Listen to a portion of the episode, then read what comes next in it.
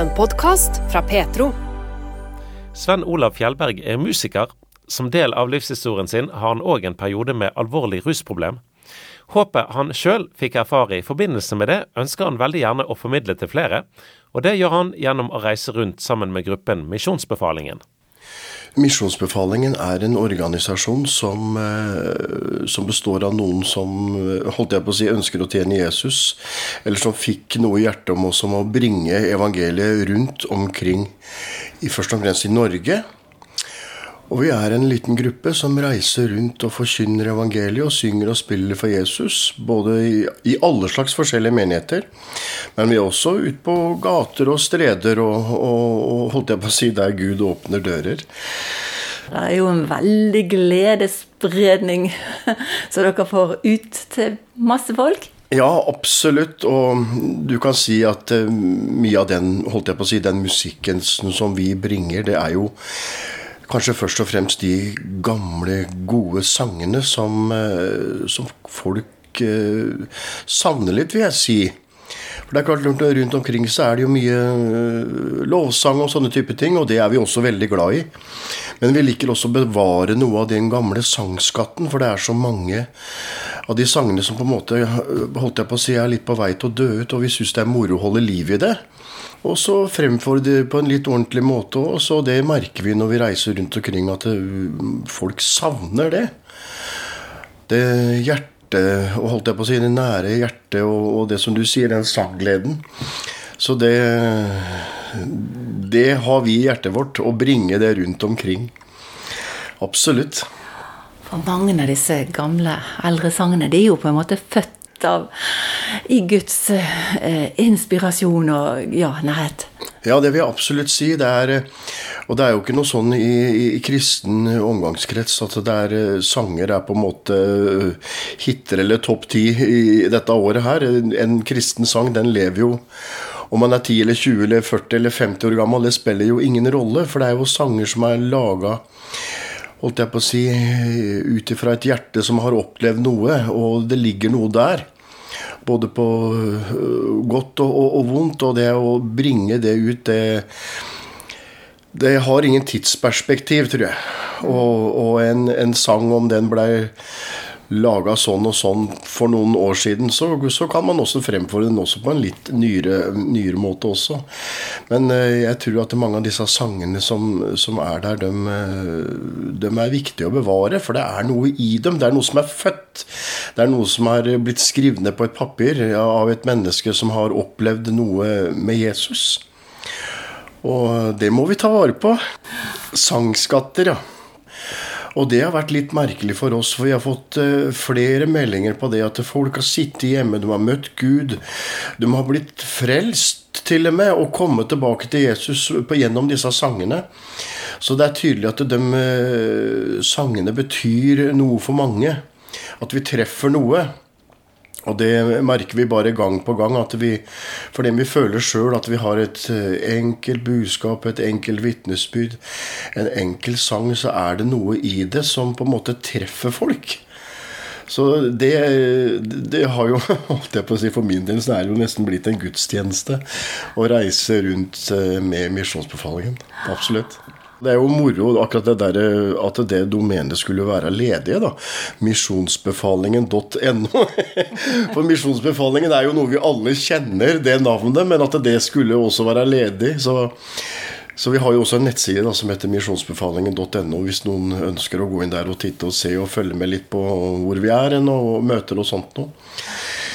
Så ja, nei, det er eh, som sagt, for meg så har det blitt en, en, en gudstjeneste. Det å, å, reise rundt og forkynne evangeliet på den måten. Jeg er jo først og fremst trommeslager og bassist, og det er klart sånn musikalsk så er det kanskje ikke alltid like moro å bare spille disse enkle sangene, men det, er, men det er ikke det det koker ned til. Det koker ned til at du, du kjenner at du Eh, du når noen. Det er ikke først og fremst oss sjøl som eh, står i fokus med at vi er så flinke og flotte og skal formidle noe og er så perfekte musikalsk, men at vi kan få lov også ha med oss noe så folk eh, At vi treffer hjertet på folk. Og eh, vi har jo Vi opplever jo Jeg kan fortelle det. Vi var ikke så veldig lenge siden vi var på Stavanger-distriktet og rundt omkring der sånn. Nærbø. Plutselig så opplever jeg en dame som eh, reiser seg eh, Det var først den ene dagen. Det var en dame som reiste seg opp i møte. Som ble momentalhelbreda midt i møtet. Midt under sangen. Og det er ganske spesielt. å ha hatt sånn fibromyallergi i mange herrens år. Plutselig så rørte Gud henne midt i møtet. Og, det er sånne ting. Og vi husker et annet møte ikke så lenge etterpå. Da var vi inne i Stavanger. Og da var det en dame som hadde forferdelig dårlig syn. Og så nesten ingenting. Hadde skikkelig sånne tjukke briller, vet du. Så rørte Gud henne i møtet. Og hun reiste seg opp midt i møtet og lurte på om hun kunne få lov å si noe. og hun var så glad for at Gud hadde rørt ved, ved synet hennes. Plutselig så kunne hun se sangen klart vet du, oppe på sangtavla. Så det er litt sånn eh, det er litt sånn eh, gode tilbakemeldinger på at vi, vi gjør i hvert fall noe som er riktig. At vi kan få lov å formidle noe som, som er ifra, fra Jesu hjerte. Og det er vel det vi kjenner alle vi som er med, at det er jo det som er motivasjonen og drivkrafta vår. For det er klart å reise land og strand rundt og sove både her og der og lange strekninger og sånn, sånn rent menneskelig sett, så kan man jo bli litt sliten av det. Men det er klart, den mottagelsen ja, i det hele tatt. Altså, du bare kjenner at Gud han på en måte er med på det. Og vi, vi, er, vi vandrer nærmest i, i ferdiglagte gjerninger. Og, og, vi går der som Gud åpner døra. Der som døra er åpen, der kommer vi. Vi, tre, vi presser oss ikke på der som uh, de ikke åpner seg. Så vi går der som, uh, som Gud åpner dørene, og så har vi teltpluggen ute. Så det det er, spennende, og det er uh, moro, og det er interessant. Jeg, uh, litt om meg sjøl. Jeg er jo vokst opp mine barneår ute i Askim. Uh, så vi gikk på søndagsskolen og juniormusikken og sånn når vi var små, da, vet du, i Philadelphia Askim. Men så var det jo det med når ungdommen kom. og Jeg havna egentlig veldig ut på skråplanet i ungdomsåra. og fyll og, og, rus og elendighet uh, tok livet mitt. Og jeg, det endte med at, for å gjøre en lang historie kort, jeg havna inn på Evangeliesenteret i en alder av rundt 30 år. Men da fikk jeg rydda opp i livet mitt og, og, og kom tilbake på banen igjen. Gikk, gikk jo to år på bibelskolen til Evangeliesenteret. Men du Sven Olav, jeg er litt nysgjerrig. Vokste du opp i et kristent hjem? Du sa du gikk på søndagsskole og sånne ting, eller? Ja da, vi, vi, var jo en familie, mamma og pappa, og vi var jo fire unger. Og vi vokste opp i, i, i Philadelphia Askim. Men så er jo, dessverre så gikk jo mamma og pappa fra hverandre når vi var ganske unge, da. Så, så, det var jo litt sånn tungt for hele familien og sånn den gangen. Og og når de flytta fra hverandre, så flytta vi ned til eh, Eller mamma og vi ungene, da vi flytta ned til Mosseregionen, for der hadde vi tante og onkel og, sånne ting. Og, og, det var der på en måte det skar seg litt for meg, da, for der, der vi bodde, da, der var det jo veldig belasta miljøer og litt sånne ting. Så da havna jeg litt ut på, på skråplanet. Så, men, eh, men, barndommen i seg sjøl var jo egentlig for så vidt fin. Vi, vi var jo med i Philadelphia Askim først, men så den gangen på 70- og 80-tallet så var det litt brytninger, vet du. Det var jo Du hadde jo Arild Edvardsen som kom, vet du, som, som var i Saronsdal. Og veldig fri og åpen for alle kirkesamfunn, men så var jo vi knytta til pinsebevegelsen, og det var jo det den gangen. Så var det jo bare ett sted man skulle dra på sommeren, og det var jo Hedmarkstoppen.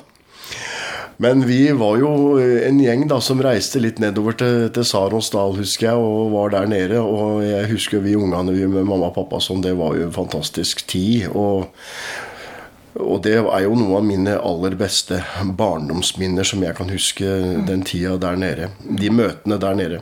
Der blei det jo sådd noe. Mm. Men det er vel egentlig et, et, under at du sitter her i dag, og jeg forstår det at du har vært eh, ganske nær eh, den andre siden, holdt jeg på å si, døden. Ja. Kan du fortelle litt om det som skjedde? Ja, jeg eh, Rus og kriminalitet, dette tok veldig overhånd i livet mitt før jeg på en måte tok tak i det. Og det Og jeg holdt faktisk på, på å miste livet. Jeg kjørte bil i en veldig berusa tilstand. Og kjørte rett av veien og, og forsvant gjennom sideruta. Og skar meg opp på sida her. og jeg mista 60% av alt blod i kroppen, og jeg, de ringte jo da fra sykehuset midt på natta. Og, og de, det sto om livet, da. Og dette her skjedde i 96. Da hadde jeg jo vært inne en liten tur på evangeliesenteret, men det, det, var ikke noe særlig Jeg sprakk mye, og det blei bare tull. Men eh, når jeg lå på sykehuset den uka der, sånn så ikke ut i ansiktet. Jeg var jo sår og, og arr overalt. Og jeg har også sydd mange sting, sting på det inne på det ene øyet. Men jeg lå der på sykehuset den gangen så eh, da tok jeg et skikkelig valg, husker jeg, i, i mai 96. Nei, nå Da kom det et alvor over meg. Tenk om jeg hadde dødd i den situasjonen der. Hvor hadde jeg kommet hen da? Og da, eh, og da reiste jeg inn på evangelsenteret på nytt, husker jeg. Og det var da jeg begynte på bibelskolen. og det var vel egentlig da det ble en skikkelig omvendelse, vil jeg si, den gangen. Mm. Så, eh, så, det Nei, det var eh, Jeg har tenkt på det mange ganger siden og våkna på natta og tenkt på det der. Det var eh, en nær en plutselig kan være døden. Så da er jeg ikke sikker på hvor jeg hadde kommet hen hvis jeg hadde dødd da. Mm. Så, men Gud han har holdt sin hånd over meg, altså.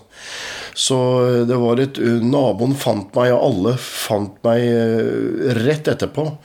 Og hadde ikke vært for det, så, så, så hadde jeg dødd der. For jeg skar jo av meg i halsen her, vet du. Så jeg mista jo forferdelig mye blod fort. Så det, det sto om livet. Du var, var du veldig redd da, tror du? Husker du det? Altså, Jeg husker ikke så For at jeg var, i den tida der rusa jeg meg så mye, så jeg, jeg, har, bare, jeg har bare glimt fra den hendelsen. Og jeg kom vel ikke til meg sjøl før to dager etterpå på sykehuset, og jeg fikk jo mye medisiner og sånn, men, men, eh, men, når jeg sakte, men sikkert begynte å, å kvikne til live igjen, så kom det klart det kom et veldig alvor over livet mitt. At det nå, eh, nå øh, Ja, det var akkurat som jeg fikk en opp, skikkelig oppvekker der, altså. Så øh, men jeg ser jo det ellers på livet mitt òg, at uh, i, i, den perioden en rusa seg mye, og kriminalitet og sånne ting Og at Gud han har holdt sin hånd over meg hele veien siden jeg var eh, liten, egentlig. Så jeg takker Gud for det. Så han har vel sett hjertet mitt innerst inne. ja. Var det noen som, din familie eller andre som ba for deg opp gjennom tiden?